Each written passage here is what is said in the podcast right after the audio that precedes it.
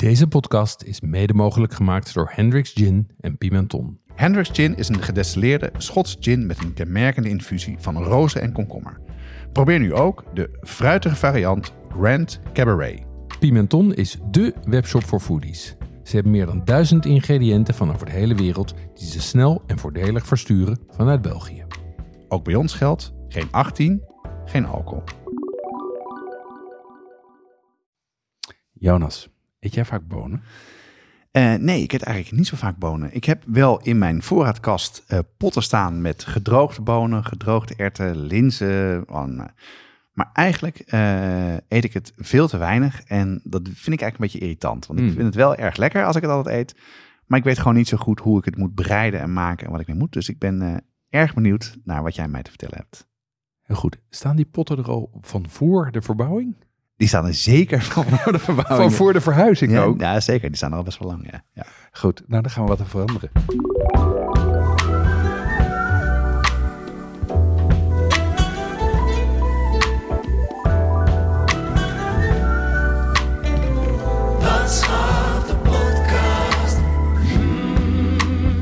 Ja, want deze aflevering gaat over bonen. Eh, we gaan het hebben over de histo- historie van bonen. Waar komen we vandaan? Hoe lang eten we het al? Wat voor soorten zijn er? En wat is de anatomie van de boon? En we gaan het hebben over het weken en het koken. En we hebben de beste bonenrecepten van onder andere Paulami, Yvette van Boven en Naomi Kef. En in het supplement gaan we het hebben over eh, E621, oftewel MSG. Eh, wat is MSG precies? Wat doet het precies? Bestaat er zoiets als het Chinese Restaurant Syndrome? En hoe gebruik je MSG gewoon tijdens het maken van eten? Maar voordat we daarover gaan hebben, gaan we eh, gaan heb ik een drankje voor je meegenomen. En het staat al je neus. Ehm, en ja, ik hoef, niet eens te ik hoef niet eens geheimzinnig te doen wat het is. Want het is een blikje. Ja, ik trek hem ook over. Open. En die, ehm, ik kreeg een juichende mail van, eh, van Albert Heijn. Dat dit product is uitgeroepen tot het product van het jaar. Het was aan. niet helemaal duidelijk wie dat dan had bepaald. Of dat dat de productmanager van Albert Heijn zelf was. Of dat dat... eh, eh, Toevallig het, eh, het huismerk van Ja. Albert Heijn. Ehm, dus ik dacht, wij gaan, dit is het, hun eigen 0.0 bier. Ja. Ehm, ik denk dat ook het goedkoopste drankje is dat we ooit hebben gehad hier. Want dit kost slechts 42 cent. oh ja? En ja. ik dacht, laten we eens even kijken hoe die Nou, is. ik ben benieuwd. Nou, niet heel slecht. Ik vind hem ook niet slecht. Nee. Nee, ik, Het is ik- niet echt een IPA, vind ik het. Het is een IPA. Nee, het is, het is een gewone. Het is, gewoon gewoon, bier. een, het is gewoon een pilsen. Het is gewoon Heineken Ah, ja. 0.0, zeg maar. Maar dan eh, Albert Heijn 0.0. Ja, hij is een beetje vlak, vind ik. Ja, maar, maar hij is pittiger dan ik dacht. Hij heeft niet dat, hij heeft niet dat, dat weeën wat zeg maar van die Eens. slechte... ehm, van die slechte alcoholvrij hebben. Het is wel echt een alcoholvrij bier. Ja. Ik vind hem niet slecht. Nee, en hij, er zit iets, een beetje, hij heeft een beetje een touch van een wit bier. Er zit iets van koriander, volgens mij, doorheen. Zoiets. Er zit Ja. iets bloemigs. eh, ja, zit want erin. het maskeert Ja. wel een beetje het zoetige. Dat vind ik het nadeel vaak van, eh, van alcoholvrij bier. Dat het heel zoetig kan zijn. En eh, nou, Ik kan dit wel drinken. valt, eh, valt me niet tegen hoor. Van me ook niet tegen. Ja, nee. hartstikke goed. Deze lijkt me ook buitengewoon geschikt om op, op feestjes eh, te schenken. Ja. Ehm, en volgens mij had jij, eh, had jij zei je daarnet ook nog een andere tip voor een feestje. Ja, ik, was, eh, ik heb een tijdje terug mijn, eh, mijn verjaardag gevierd. En dan vind ik het altijd eh, fijn dat als mensen komen, dat ze ook te eten krijgen. Ja. En dat is vaak voor mij een enorme soort rabbit hole waar ik in kan vallen. Denk, hou het simpel. En dan ben ik toch weer twee dagen in de keuken aan het staan. Ja. Deze keer dacht ik, ik hou het echt simpel. Maar goed. Ja. Dus ik heb namelijk de Vlaamse gehaktbal gemaakt. Mhm. Die op een recept van op onze, op onze site. En die heb ik klein gemaakt. Ja. In grote getalen. Ja. In de bouillon in een creusetpan op, eh, op het aanrecht gezet. En lekkere witte bolletjes erbij gedaan. Oeh, Broodje broodje bal. Ja. Lekker. Ja, En ik was daar. Ja, dat was lekker toch? Dat was top. Ja, en het leukste was, oh wat een goed idee, een broodje bal. Gewoon broodje bal. Ja, Ja, met een beetje eh, mayonaise erbij. of beetje mosterd. Ja, ja, ja, ja. Pikkel erbij. Nee, hartstikke lekker. En zo omdat ze zo klein zijn, kan je ook makkelijk twee of drie of vier. Of, ja. Maar dat was dus echt, eh, en, en wat ik heel, ik heb het dus het helemaal het recept aangehouden. Waardoor ik het ook eh, heel langzaam en laag op heb gezet. Ja. En wat er dan gebeurt, is dan valt die bal bijna uit elkaar. Dan heeft hij niet meer dat een beetje dat eh stuiterballer wat soms kan zijn. Nee, wordt die heel zacht. Ja. En ik heb ook echt wel eh, kalf en varkensvlees gebruikt. Ja. Dus geen rund. Rund vind ik toch een beetje funky smaak Ja. geven als je een bal doet. Dus dat was erg geslaagd. Lekker hoor. Ehm, wat verder? Verder heb ik, ehm, nou, we maken ook een andere podcast. Bestellen kan altijd nog. Ja, En eh, daar korte, had- snelle podcast. Ja, Ja. En het doel daarvan is vooral om mensen te helpen door de week eh, eh, te koken. Mhm. Lekker te koken, gevarieerd te koken. Dus er zitten vaak veel vega-recepten in. En waaronder dus gado gado. Ja. En toen dacht ik, ja, dat moet ik toch even maken voordat we dat gaan behandelen. Dus dat heb ik gedaan. En het was ontzettend lekker. En, en het is gewoon ook zo'n ontzettend simpel gerecht. Eh, je hebt eh, de groenten, die, ik stoom het dan meestal. Ja. En ik heb nu wel wat meer tijd besteed aan de eh pindasaus maken. Ja. Dus daar zit ook wat trassie doorheen en wat andere dingen. En, en dat was, ja, en dan heb ik het gewoon in een saladekom gedaan. Een beetje omgeschept met de pindasaus. Kommetje rijst erbij.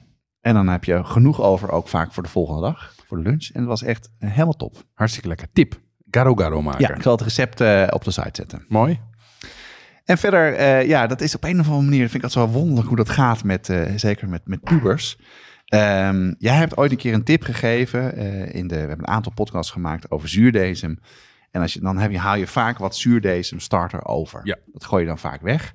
Dan zei jij, dat moet je niet doen. Dat Nee. moet je eh, bewaren in je koelkast en daar moet je crackers van maken. Sinds kort is dat helemaal de hit bij ons thuis. Oh ja? mijn zoon, die, dus nu is het ook echt een probleem dat ik gewoon te weinig eh, overhoud. Dus ik moet nu, ik heb nu laatst heb ik dus weer zuurdesem starter gemaakt. Heb ik een dubbele of driedubbele portie gemaakt, zodat er ook crackers gemaakt kunnen worden. Dus met een beetje kaas, de zaadjes eroverheen, dat is echt, echt heel erg lekker. Dat is helemaal top bij ons. Ja, en wat, wat de truc is, het is dus, je krijgt zo'n heel, die starter is natuurlijk heel dun en vloeibaar. Dus dat, dat stort je eigenlijk gewoon op een, eh, eh, op een bakplaat. Ja.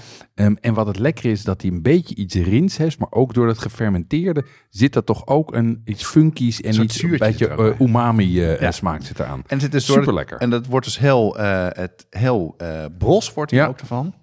Dus ja, nu Nu moet jij je starter maken speciaal om. Kom, aan de slag. Ja, ja, ja, ja, ja. leuk hoor. dus Ja. dat heb, ik- heb ik braaf gedaan. En jij? Ehm, ik had, ik had de buren te eten.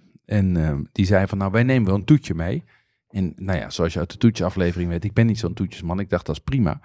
En die had eh, ambachtelijk ijs meegenomen. Ja? En ik was eigenlijk weer vergeten hoe ontzettend lekker goed gemaakt ijs kan zijn. Hoe moeilijk dat overigens ook is om dat hier in Nederland te krijgen. Ehm, maar deze had hij gehaald bij Mius. Dat is een ambachtelijke ijsmaker hier in Amsterdam op de Overtoom. Oké. En eh, die had ontzettend lekker hazelnootijs. Oh, wauw. Echt heel goed. En dat zat ook in van die piepschuime bakken. Oké. Dus dat zijn van die bakken die hem ook helemaal goed op temperatuur houden. Om, eh, om mee te nemen. Ja, om mee te nemen. Ja. En ehm, eh, toen dacht ik, ja, wat een goed idee is dat. Om ook gewoon als toetje eens een, eh, een goed ambachtelijk ijs te halen. En het fijne is dat, dat deze ook in de winter open is. Want veel van die ijsmakers, die zitten in de winter gewoon weer lekker in Piemonte, waar ze vaak vandaan komen. Ja, serieus hè? Hazelnoten te plukken. Hazelnoten te plukken, ja. Dus dat was echt een, wat een was een eye-opener. Ja, Ja. leuk. Ehm, verder ben ik, eh, hebben, is er een nieuw boek uitgekomen van Regula IJzerwijn. Ja. Nou, ik heb, die- mijn, mijn liefde voor Regula heb Heb je er ik, zwak voor? heb ik een zwak voor. Ja, ik Ja. vind het top wat zij doet. En dit is ook weer zo'n fijn boek. Dit is echt een, het boek heet eh, eh, Van Wafel tot Koek. Ja? Eh, en het gaat eigenlijk over alle vormen van koeken eh, die vooral in België worden gemaakt.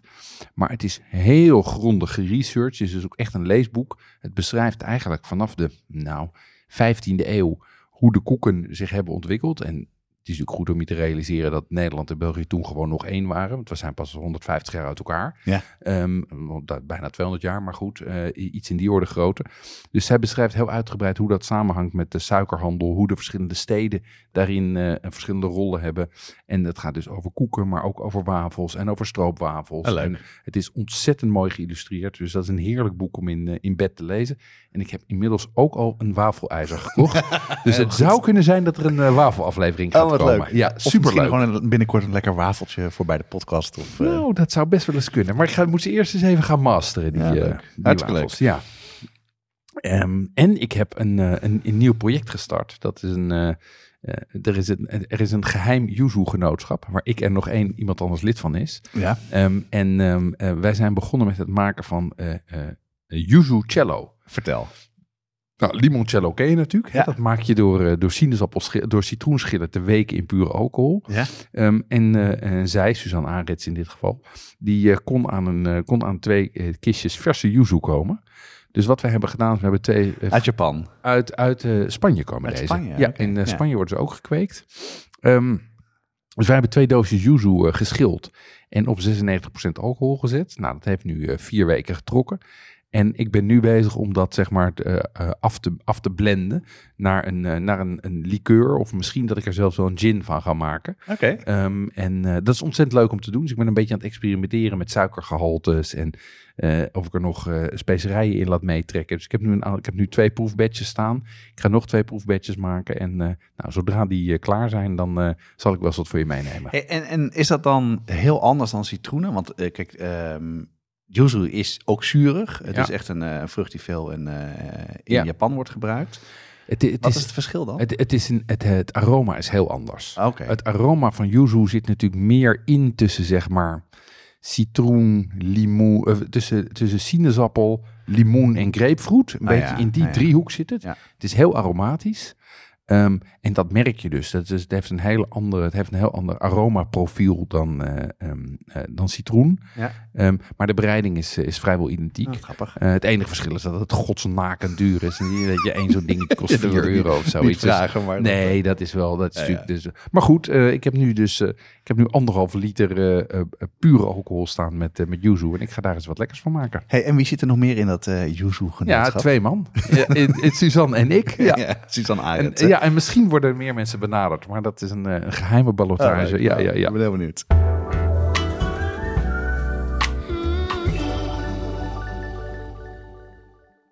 Jonas, we hebben een aflevering gemaakt over hot sauces. Dat deden we samen met de mannen achter Heat Supply. Deze hot sauce bazen hebben zelf ook een serie sausen uitgebracht. Rijmakers, heetmakers genaamd. Ja, en dat zijn sauzen die niet alleen maar focussen op hitte, maar ook op smaak. En dat is voor ons een kenmerk voor een goede saus. Ze lopen op in pittigheid, eh, van de milde immune booster tot aan de brain buzzer die behoorlijk heet is. En eh, wat ik er zo leuk aan vind is dat het een echt Nederlands product is. En dat het prachtige flesjes of doosjes zijn. Nou ja, een flesje die uit een doosje steekt. Eh, heel mooi en leuk als cadeau. Je vindt rijmakers heetmakers op heatsupply.nl of vraag ernaar bij je delicatessenzaak. Jeroen, jij bent helemaal in de wereld van de boon Ja, gedoken. dat klopt. Waarom wilde je dat graag? Nou, ik heb eigenlijk pas een jaar of vijf geleden bonen ontdekt. Ah, ja. Ehm, eh, ik, eh, ik at net als jij weinig bonen, wist ook niet precies wat ik ermee moest. Mee moest.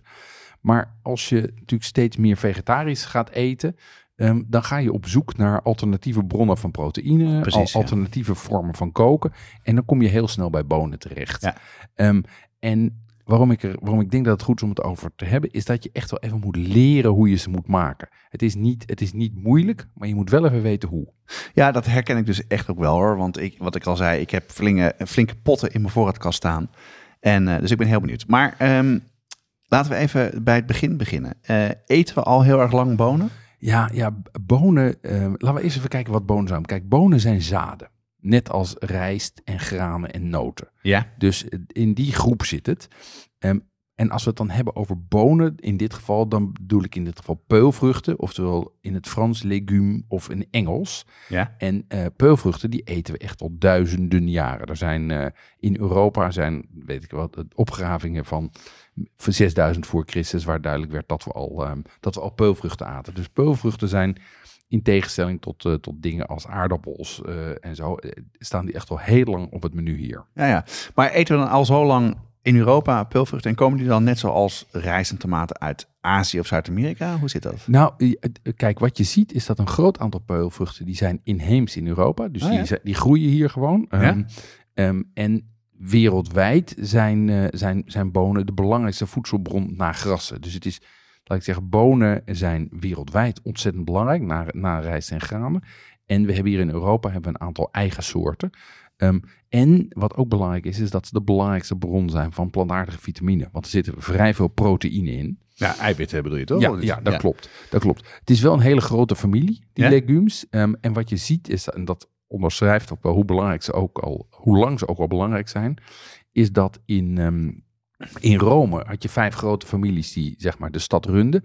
En die namen van die families, die zijn dezelfde als van bonen. Serieus? Ja, dus je hebt eh, de familie Fabius, dat, zijn- dat zijn de, de fava's of de tuinbonen. Lentulus, dat zijn de linzen. Piso, dat zijn de erten. En Cicero, van de schrijver, dat zijn waar? natuurlijk gewoon kikkererwten. Oh. Dus dat laat wel zien hoe, eh, hoe lang bonen eigenlijk al gegeten Ah, ja. worden. En ook hoe belangrijk ze zijn eh, in, in de wereld. Ja. Hey, en dus hier eten we dus al duizenden jaren bonen. Dus al helemaal terug tot aan het Romeinse Rijk. Ja, ja, wat je dus ziet is dat elk continent zijn inheemse boon heeft. Ja? Ehm, eh, al die Europese, die noemde ik net. Dus die lijst die ik net noemde, dat zijn allemaal Europese leuk, bonen. Ehm, en in Indië en Oost-Azië heb je ook nog de, de linzen, de sojaboon, de mungboon en de atsuki. Dus Ja? dat zijn echt hele specifieke eh eh eh, India's en Oost-Aziatische bonen. Dan heb je nog in Afrika de zwartoogbonen. Ja, de Dat Black Eyed Peas. ja, precies. En die zijn dus meegenomen eh, naar, eh, tijdens in de, door de slaven, of laat ik zeggen, door de mensen die tot slaaf werden gemaakt, naar Amerika. Ja? Ehm, en in Centraal- en Zuid-Amerika heb je zeg maar de gewone boon, de bruine boon. Ja. En daar zit, hoort ook de kidneyboon en de pintoboon bij. Oh, grappig zeg. Dus wij aten, hier, eh, wij aten hier een aantal soorten. Maar inmiddels eten we natuurlijk, kan je al die soorten krijgen en gaan die ook allemaal door elkaar heen lopen. Hey, dat, eh, dat zijn er al heel veel. Ik herken er best wel wat van. Mhm. Ik herken ook wel aan mezelf dat ik die in mijn eh, voorraadkast heb staan. Maar eh, ik vind dat dus, dat is ook waarom ik misschien nog niet helemaal weet hoe ik ermee om moet gaan. Het heel moeilijk om te bepalen wat nou wat is. En kan je daar iets van structuur, structuur in aanbrengen? Hoe, hoe, hoe kan Ja. ik het aanpakken? Ja, ehm, er zijn vijf hoofdgroepen, zeg maar. Dat zijn de gewone bonen. En dat zijn de bruine bonen, de kidneybonen, de witte bonen, Ja. de boterbonen. Alles die er gewoon uitziet als een boon. En die we ook het meeste kennen. Ja. En die ik ook waarschijnlijk het zelf ook het meest heb gemaakt. Dan heel vaak het blik inderdaad. Ja, precies. Eh, en, en dat is overigens in ehm, biologische termen, is dat de, de, Latijnse naam is de Vezulus familie. Oké? Dan heb je de kikkererwten. Dat is een hele eigen groep. Ehm, dan heb je de linzen. Ja. Dat is een hele eigen groep. De tuinbonen Ah, is een eigen groep. Ja. En erten en kapucijners. Dat, is één, dat zijn dezelfde. We zijn hetzelfde. Ja, die zijn hetzelfde. Oh, ja. Dus die bij elkaar, dat zijn eigenlijk de vijf hoofdgroepen. Hey, en wat is daar dan, wat, is daar dan, zijn de belangrijke verschillen er dan tussen? Tussen die, tussen die eh, vijf hoofdgroepen? Ja, nou, eigenlijk, eigenlijk zijn daar drie belangrijke verschillen in. Dit is uiterlijk, ze zien er gewoon anders uit. Ja? Ehm, en bijvoorbeeld die, die bonenfamilie, die, lij- die zien er allemaal uiterlijk anders uit, maar die lijken qua smaak heel erg op elkaar. Ehm, dan heb je bereidingstijd, want die verschillen wel echt per soort. Ja, zeker. Ehm, en, en dus smaak is ook wel eh, Ja, ja. onderscheidend. Ja. Maar wat mij betreft is de smaak tussen die groepen, de smaakverschillen tussen die groepen, veel groter dan de smaakverschillen binnen die groepen. ja, helemaal eens. Want ik bedoel, als je een, een lins versus een bruine boon is heel anders. Maar in de linsfamilie zelf heb je ook verschillende soorten. Die zijn wel anders qua bereiding. De ene valt meer uit elkaar, de andere blijft meer over. Maar het zit wel in dezelfde smaakprofiel. Ja, dat klopt ja, wel. ja. Hey, maar dat vind ik dus het, het allermoeilijkste van bonen is welke boon voor welke smaak eh, waar gebruik ik voor. Wat kan je vertellen over de smaakverschillen tussen de bonen? En wat, wat mij hier ook weer opviel, en wat ik bijvoorbeeld ook bij, eh, eh, bij pasta heb gemerkt, is dat eigenlijk het belangrijkste smaakverschil hier is het mondgevoel. Ehm, en dat gaat dus vaak over het formaat. Inderdaad, ja. Ja. Grote Dus- bonen versus kleine bonen. Grote bonen versus kleine bonen. Eh, en de smaak, eh, de- het is wel zo dat de smaak van bijvoorbeeld kikkererwten en linzen, dus tussen die groepen, is echt wel anders. Zeker. Ehm, maar bij de overige bonen is wat mij betreft zijn die verschillen subtieler. En die zijn eigenlijk ook heel erg afhankelijk van de smaakmakers die je eromheen, die je erbij doet. Of de, de aromaten die je toevoegt tijdens het koken. Ik herken heel erg die, die smaakverschillen tussen de bonen. Mhm. Bijvoorbeeld eh, met kikkererwten en linzen. En Ja. kikkererwten ja, ben ik veel meer mee gaan koken... omdat we daar een aflevering over gemaakt hebben... een tijd terug, nummer 14, over flaf en hummus. Dus ik heb dat, maak vaak dan hummus. En ik verbruik het ook best wel vaak in, in soepen. Vind ik ook erg lekker. En die zijn in mijn ogen heel populair in het Midden-Oosten. Maar ook daarbuiten dan? Ja, die, die worden echt, eh, echt heel veel daarbuiten gegeten. In Spanje bijvoorbeeld, daar heet Oké. garbanzos. In Italië heb je natuurlijk eh, pasta e ceci. Nou ja, ja. Ehm, maar inmiddels wo- wordt dat wereldwijd heel veel gegeten. Ehm, en ik heb, een, ik heb van Naomi Kef, die had een heel goed recept daarvoor. Oh, wat leuk. Naomi recenseert kookboeken voor ons hè, bij Duikelman. Ehm, en zij had een recept uit de rubriek Genius Recipes van Food 52. Food 52 heeft ook altijd eh, goede recepten. Ja. Ehm, en dat is Heidi Swanson's chickpea stew with saffron, yogurt en garlic. Klinkt goed. Het klinkt wel een beetje als de stew. Daar hebben we het een paar keer over gehad. Dat is een recept van Alison Roman. En dat heeft eh, de New York Times Cooking doen ontploffen. Ja, volgens mij toch? Ja, klopt. Ja, Is het hetzelfde? Ja, het lijkt erop, maar deze is wat luxueuzer. Wat je Ah. eigenlijk doet, is je maakt een soort hartige custard met saffraan en yoghurt en eigelen en warme bouillon. Oh, dat klinkt goed. Daar zeg. doe je de kikkererwten bij en weer wat saffraan op.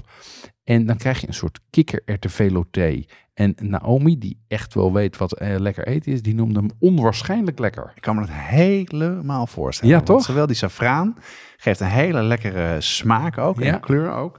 Maar die velouté klinkt goed, zeg. Ja, Wat een dus goed idee. Ik denk dat het een, dat het een toppertje is. Mooi. Ehm, had Naomi nog andere boekentips als het gaat over bonen? Ja, ja ehm, er zijn heel veel, heel veel bonenboeken. eh, en die komen soms helemaal uit zeg maar, de macrobiotische kant. En dan wordt het een beetje, dan, wordt het, dan gaat het vooral heel erg over, over gezond. Ja, ik krijg enorme flashbacks naar mijn jeugd. Ja, precies. Ehm, eh, en ze had één boek wat ze mij heeft uitgeleend wat echt top is. Dat is Grist van. Alba Berends. Echt een pil van 450 pagina's. En die beschrijft alle soorten peulvruchten, achtergronden, recepten. En het is heel grondig en metho- methodisch, maar wel inspirerend. Dus ik vond het een heel fijn boek. Je kan daar, die vraag die je net had over verschillen tussen bonen, staan daar allemaal in. Kooktijden per bonen staan er allemaal in. Voedingswaarde, heel veel recepten. Echt een topboek. Nou, wat goed. Nou, laten we de link op de, in de show notes zetten voor mensen die daar meer over willen weten. Ik ben nu wel toe aan hoe je bonen goed kan maken. Want dat is echt voor mij wel de, de, de vraag. Van hoe krijg je ze lekker? Hoe, hoe, hoe moet je ze bereiden? Kijk, om dat goed te begrijpen, moet je even iets weten over de anatomie van de eh, boon. Ah, gelukkig, daar gaan Ja. we het toch over hebben. Ja, ja de, de, de boon bestaat uit een zuid, zaadhuid, dus een, een huidje. Ja? En daarin zit een naveltje, zo'n Ja. klein gaatje. En daarin zitten twee lobben. Je, ik weet dat jij, eh, dat jouw beide ouders gepromoveerde biologen zijn. Klopt. Dus het gaat wel een beetje een college in. Ja, Maar, ja, ja. eh, Waar, heb ik dit, waar heb ik dit voor nodig dan? Nou, kijk, wat, wat de essentie is, dat is die zaadlobben, dat is vooral wat je wil eten. Daar zit het merendeel van de voedingsstoffen in. Oké, oké. Die zaadhuid, die maakt hem visueel en smaaktechnisch aantrekkelijk. Ja? Maar die maakt de bereiding ook lastig, want die zaadhuid die laat geen vocht door. Ehm, en de oplossing zit erin, is dat dat naveltje speelt dus een, oplossing, speelt een rol in die oplossing, want daar kan wel vocht doorheen. Ik heb echt allemaal hele andere beelden dan bonen. Maar je moet het even uitleggen. Ja. Want, eh, want hoe, dus hoe, waar moet je dan op letten? Ja, kijk, de verschillende onderdelen van die, van die, eh, van die, die boon, hè, dus die zaadlop en dat huidje en dat naveltje, die, rea- Sorry. die reageren verschillend op de kookprocessen. Oké, Ehm, oh dat is belangrijk. En, en wat je wil is, je wil, kijk, het, waar we naar streven, dat hebben we het natuurlijk vaak over, wat is je doel? ja, Je wil hele bonen die zacht zijn, maar niet uit elkaar vallen, ja. met een velletje dat een beetje beet heeft, maar niet te veel. Hè, je wil niet Ja, dat het hard wordt. Het moet ook niet eh, kruimelig van binnen zijn. Het moet lekker Nee. zacht van binnen zijn. Maar je moet wel ergens in kunnen bijten. Exact. Je wil wel weerstand hebben. Ja. Dus je wil een zachte, smaakvolle binnenkant. Zeker. Met een, met een net stevig, net dat je wel even de weerstand van Ja. dat boontje voelt. Hoe krijg ik dat voor elkaar? Ja, dat is natuurlijk de million dollar question. De essentie is lang en zachtjes koken in precies genoeg water. Oké, laag en traag. Ja, en lang en dat kan, dat kan uren zijn. Oh, serieus? Dat kan uren zijn. Ja, en dat is laag is zeg maar tussen de 80 en de 93 graden.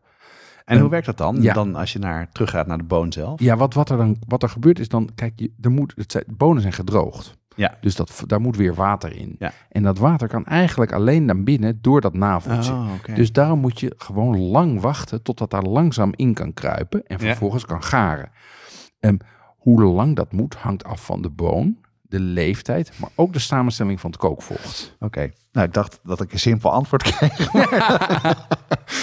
maar dat doe je toch gewoon in water dan? Het koken? Ja, dat is het makkelijkst. Kijk, als je gewoon eh, grote stappen eh goud thuis wilt doen, kook je in water. maar je moet er wel rekening mee houden, als je heel hard water hebt in een gebied waar veel kalk in zit, dan duurt het veel langer. Echt waar? Ehm, en soms wil je het kookvocht smaak geven en ook dat beïnvloedt de kooktijd. Ja. Hoe, hoe, hoezo beïnvloedt dan de kooktijd? Oké, dit is, dit is uh, ik, als mijn, uit mijn hoofd 20 pagina's McGee. Ja, dit is echt, dit is een rabbit hole wat, wat donker en vol bonen is.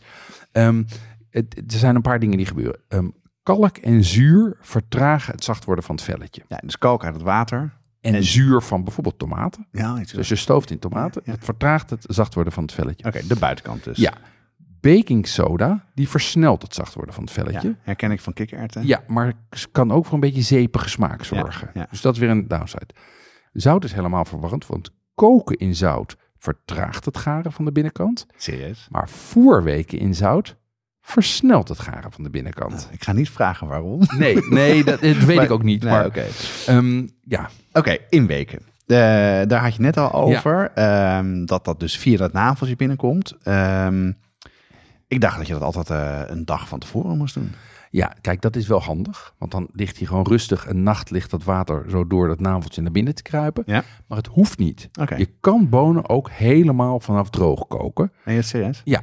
Ehm, en wat je ook kan doen, is even blancheren en dan twee uurtjes weken. Maar wat- dat zijn zeg maar de, de hacks. En wat gebeurt er dan? dan?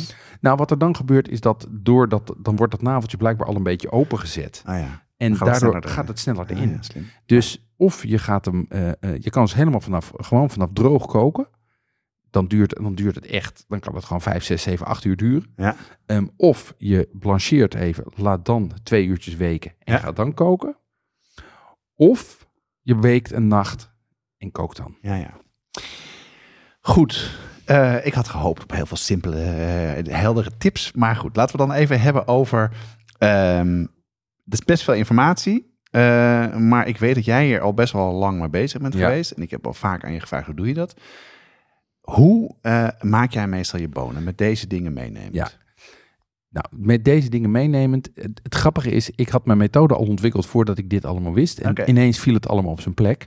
Ehm, kijk, alle bonen, behalve linzen, week ik een nacht in water met zout. Oké, ja. Ik zet gewoon s'avonds voordat ik naar bed ga, zet ik in een bak, eh, gooi, ik, een- gooi ik bonen in het water, doe ik een schep zout bij. Niet zo zout als pasta, maar ik doe wel een eetlepel per liter. Dus Ja, dat is best zout. Ook best veel. Dat hè? is best zout, Ja. ja. ja. Ehm, ik zet ze dan op met nieuw koud water, zodat ze net onder staan. Dus zonder zout. Ehm, dat gaat daar, vaak gaat daar Nee, ook maar weer dus het water bij. verversen. Ja, dus, ik, eh, ververs het, ik ja. ververs het water, Ja. maar daar doe ik ook weer zout bij. Oké, Ehm, dat breng ik aan de kook ja, en dan voeg ik smaakmakers toe. oké. En dan hou ik het onder de kook. Dus dat het niet bruttelt, zeg maar, of net op een graad of 90. Ja. En vanaf na zeg maar anderhalf uur of zo ga ik proeven. En dan kijk ik of ik de structuur goed vind. En soms heb ik dan nog een uur nodig. Soms ben ik er al. Ja. Maar dat hangt er dus vanaf wat voor bonen je hebt. Hoe oud die bonen zijn. ehm, en, eh, en misschien ook hoe die temperatuur precies was. Want als die temperatuur zeg maar 80 graden is, ja, ja. dan doet het er langer over dan 90. Dus met, maar met die, ja, Hey, en oude bonen, dan, dat heeft ook invloed. Dat duurt ook langer dan. ja, ja ik, heb, ik heb meegemaakt, ik heb wel eens meegemaakt dat het gewoon drie of vier uur duurt voordat Ah, ze ja? goed zijn. Ja, dus dat is van belang. Maar hoe doe je dat dan? Ja, Want dat is best wel, ja, dat, dat, is, dat, dat, dat is ja. ook een beetje, denk ik, dus het struikelblok voor heel veel mensen van bonen. Ja. Maar kan dat dan, hoe kan je het maken zodat het wel een beetje past in een druk leven eh, Ja. met werk en dat Ja. soort dingen? De truc is eigenlijk om het koken van die bonen en het bereiden van het gerecht uit elkaar te trekken. Oh, oké. Dus ik kook de bonen vaak 's ochtends. Als ik een thuiswerkdag heb of in het weekend Ah, ja. of s'avonds. Dat ik hem bedoel, of je zet ze 's ochtends in de week, kookt ze s'avonds en eet ze de dag erop, zeg maar. Oké. Of ik week s'nachts, ik kook 's eh, 's ochtends en eet ze de dag daarop op. En ik laat ze gewoon afkoelen in dat vocht waarin ik ze heb gekookt. Ah, en verwerk ze dan verder. En, dat, en dat, dat doet niks af aan de structuur en de smaak Nee, en dat nee. soort dingen. Als je maar, kijk, waar ze, de structuur wordt aangetast als je te hard gaat koken.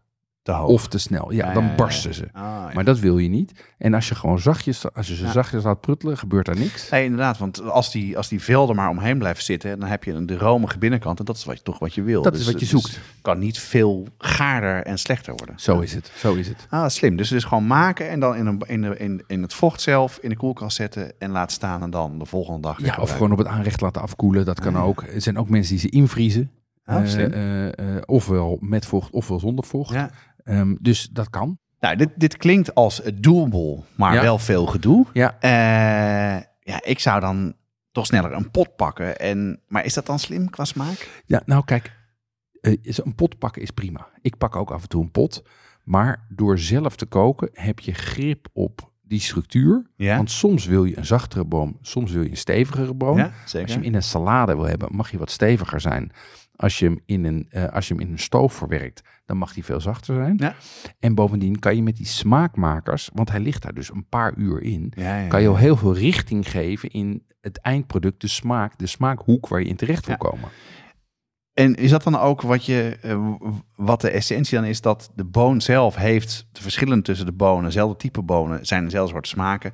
Maar vooral de smaakmakers bepalen dan wat het, wat het uiteindelijk gaat worden. Ja, ja, kijk, de bonen hebben natuurlijk ook wel verschillende smaken, voordat mensen daar boos op reageren. Maar die zijn subtieler. ja. Ehm, maar je kan met die smaakmakers kan je echt heel erg sturen. Eh, weet je, ik, eh, als, ik, als ik meer op de Franse tour ga, dan doe ik eh, wortels, selderij, ui, knoflook, rozemarijn, tijm, laurier, dat soort dingen. Ehm, als ik Italiaans ga, dan doe ik ui, knoflook, salie, oregano. Is dat lekker met Ja, salie? erg lekker. Ja? Ja, super Niet, lekker. niet te heftig? Helemaal niet te heftig. En dan daarna stoven in een tomaten met Ah, een beetje tomatensaus en een gebakken worstje erbij. Klinkt heel goed. Prima. Ja?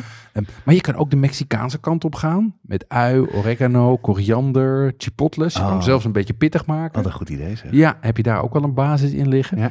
Of zelfs een Indiase hoek met, met geelwortel, kaneel, cardamom, al dat soort dingen. Nou ja, Dus je ja. kan nog heel veel, laat ik zeggen, voorsorteren in het eindresultaat wat je gaat krijgen. En daarmee maak je het dus veel lekkerder. Dus. Ja, Ja. ja. en heel veel smaakvoller dan zo'n pot. Die gewoon, die ook wel lekker is, maar die gewoon natuurlijk vanillesmaak is. Ja, hey, en is het dan zo dat je eh, naast die smaakmakers ook heel erg verschillende bonen gebruikt? Dat je daarin varieert? Ja, ik vind het interessant om te variëren met bonen. En ook zelfs om in één gerecht meerdere soorten bonen Oh, te, te gebruiken. Slim. Ehm, wat ik meestal doe, is ik laat ze wel allemaal tegelijk weken. En ik kook ze ook in één pan. Dus ik heb gewoon Bij verschillende elkaar? soorten bij elkaar. Ja. Alleen de black beans niet. Want die geven een beetje af. En die zorgen dan ervoor dat de rest een soort van grauwsluier over zich heen krijgt. Ehm, maar zeker in gerechten zoals chili, sin, car- chili eh, sin carne of baked beans, waarin zeg maar bonen de hoofdingrediënt zijn, heb ik soms al vier of vijf soorten bonen zitten. Ja, en baked beans, dat zijn toch bonen die in een blik zitten, toch? Dat, precies. Dat als je zo Heinz heeft zo'n pot baked beans. Ja, ja, ja, Eh, in. Engeland eten ze die op toast Ja, met die tomatensaus. Ontbijt. Hè? Ontbijt, precies. Daar sta ik altijd over. Ehm, maar ik heb een heel goed recept om die zelf te maken. Vertel. Ja, is geïnspireerd op een recept van Jamie Oliver. En het is eh, vega of zelfs vegan. Ja? Wat je doet is je kookt een mix van bonen en kikkererwten met wortel, ui, selderij en prei, foelie en laurier. Grappig met kikkererwten. Ja. en dan die laat je dus afkoelen dan. Ja? En vervolgens maak je een eh, saus op basis van gerooste paprika's uit een pot, rode wijnazijn, maple syrup en parmezaan. Die draai je stuk in de blender en die meng je dan met de bonen.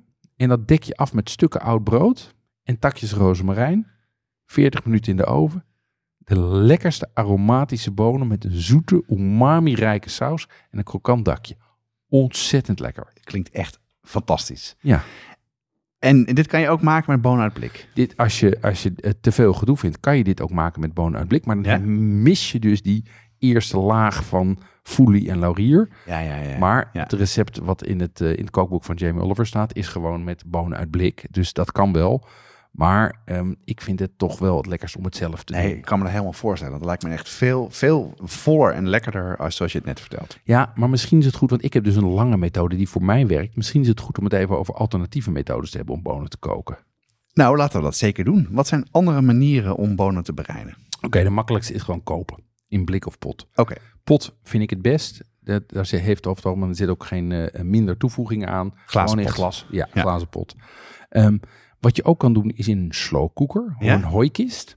Ehm, en tenslotte de snelkookpan. Oké, dan laten we ze even allemaal even nalopen. Ja, kijk, kopen in blik of pot is snel en makkelijk.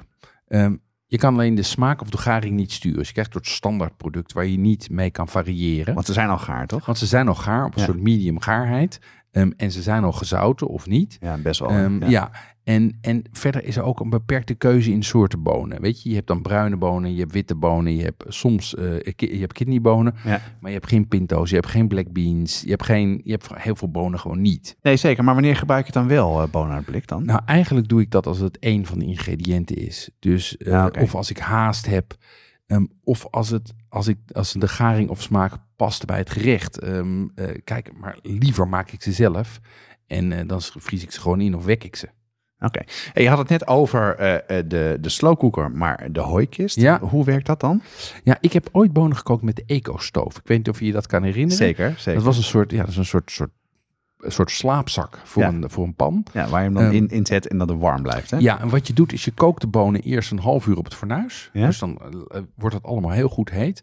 En daarna zet je de bonen met pan en al in de eco-stoof. En die houdt hem dus probleemloos op die langzaam. Dat zakt, zakt dan langzaam van 100 naar 90 naar 80 graden.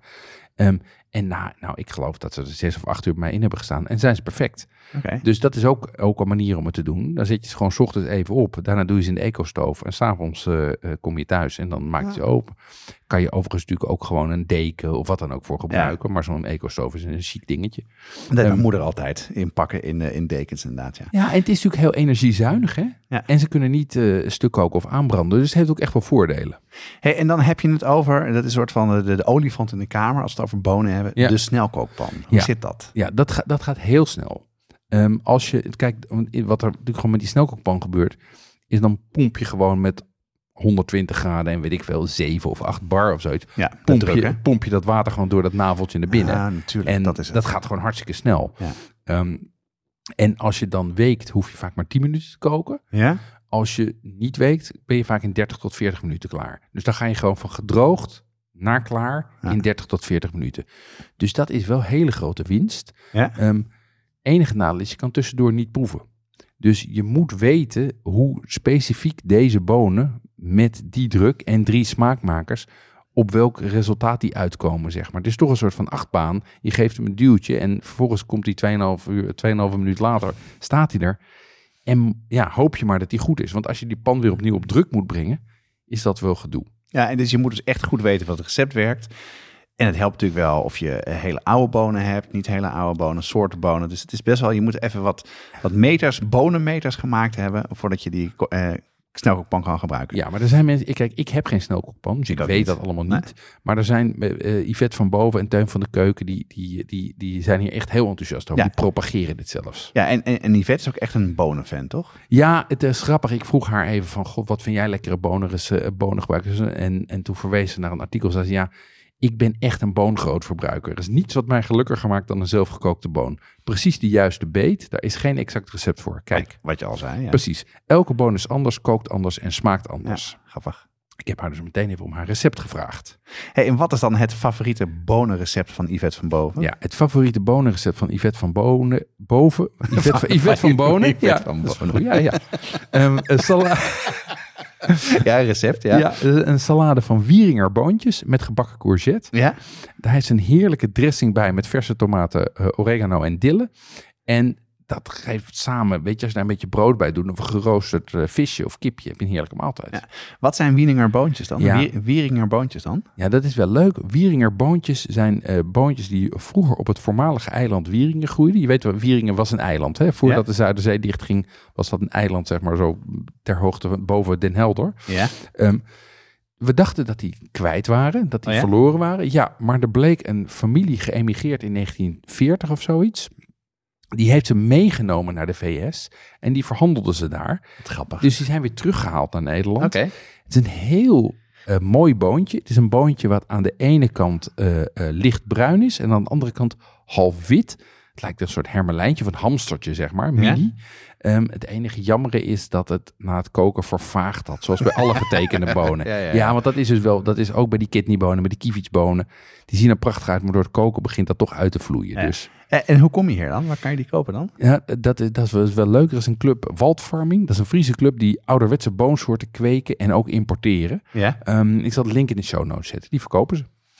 Hey, en ehm, de, als je dus niet eh, eh, die eh Wieringerboon eh, bestelt, wat voor een alternatief heeft Yvette van Boven dan? Voor, eh, Ja, zij zegt ook gewoon uh, cannellini bonen uit blik. dat zijn die grote, toch? Dat zijn, dat zijn, dat zijn die, die witte, uh, witte bonen, zeg maar, dit formaat. ja, die vind ik lekker, ja. Italiaans, heel lekker. Ja. Um, ik zal een link naar het recept in de show notes zetten. Hey, en heb je dan, uh, want ik moet wel zeggen, het, het helpt heel erg als je zo vertelt over die recepten. Want ik kan het ook echt bijna proeven dan. Ja. Word ik ook wel echt enthousiast aan het proberen. Heb je nog een recept? Ja, ik heb een, ik heb een recept van Polami. Ja. Een Indiaas recept. Ja. Een friend of the show, uh, Polami Yoshi. Um, en zij heeft een rajam masala gemaakt. Dat is een kidneybonenstoof. Klinkt goed zeg. En wat je maakt is een, een saus, een tomatensaus van specerijen, passata en room. Ja, ja, ja. Um, en daarin stoof je de gare kidneybonen.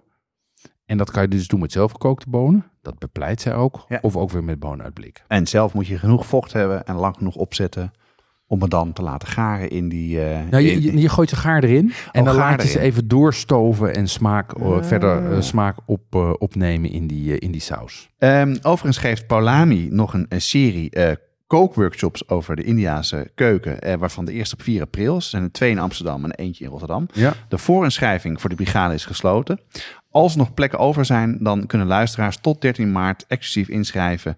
En dat doe je door naar het adres te gaan eh, op watschaftepodcast.com slash spicetrip. Ja. Ehm, mocht je nou net achter het net vissen, eh, dan is er altijd nog eh, de Bijbel van de Indiaanse keuken. Daar komt dit recept ook uit. Ehm, en overigens geven we aan de brigade nog een exemplaar weg. Daarover straks meer het supplement.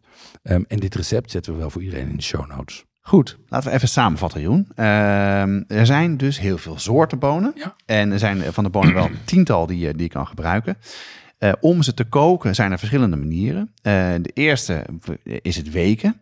Eh, daarna is het laag en traag opzetten. Dat kan ook Ja. zonder weken. Of je gebruikt een snelkookpan. En eh, jij vindt laag en traag het lekkerste, omdat je dan goed kan checken. En dan kan er ook gewoon langzaam het geheel, eh, als je de tijd hebt, goed intrekken. En dan bewaar je het gewoon voor de volgende dag. Eh, maar uit blik of pot kan je prima ook gebruiken. Dat klopt. Ja, uitstekende samenvatting. Ja, en eet meer bonen, Jonas. Het is echt, het is zo lekker Ja, en zo veelzijdig. En ja, het is echt, eh, ik ben helemaal, bij ons staat het één, zeker twee keer in de week Ja. op het menu. Nou, een paar van deze dingen ga ik zeker proberen. En ik vind ook bonen door, door een salade ook wel een heel erg slim idee. Voor de luisteraars van de gratis podcast zit het erop voor deze aflevering. Voor de brigade gaan we nog door met het supplement. In het supplement gaan we het hebben over E621, oftewel MSG. Wat is MSG precies? Waarom eh, eh, vermeet, ik, vermeet jij het en ben je nu echt fan? Hè? Want Ja. het, eh, je hebt zelfs daar een trui of een t-shirt Ik heb van. hem aan. Ik heb hem, ik heb. De King of Flavor. Eh Jeroen trekt zijn trui omhoog. En als je lid wil worden van de brigade, dan ga je naar petjeaf.com slash podcast en dan meld je je aan en dan kan je deze podcast langer doorluisteren. We zijn er wel zo'n beetje. Zeker. Deze podcast wordt gemaakt door eh, Jeroen Doucet en Jonas Nouwen. Met speciale dank aan Naomi Kev, Polami Yoshi en Yvette van Bonen. Yvette van Boven. Jeroen. Het team bestaat uit Corianne Straathof, Annie Tazelaar, Paul Veldkamp, Kato van Paddenburg en Jesse Burkink. De muziek is gecomponeerd door Nico Brands en Ton Dijkman en uitgevoerd door Mel en Vintage Future. Tot de volgende keer. Mazzel.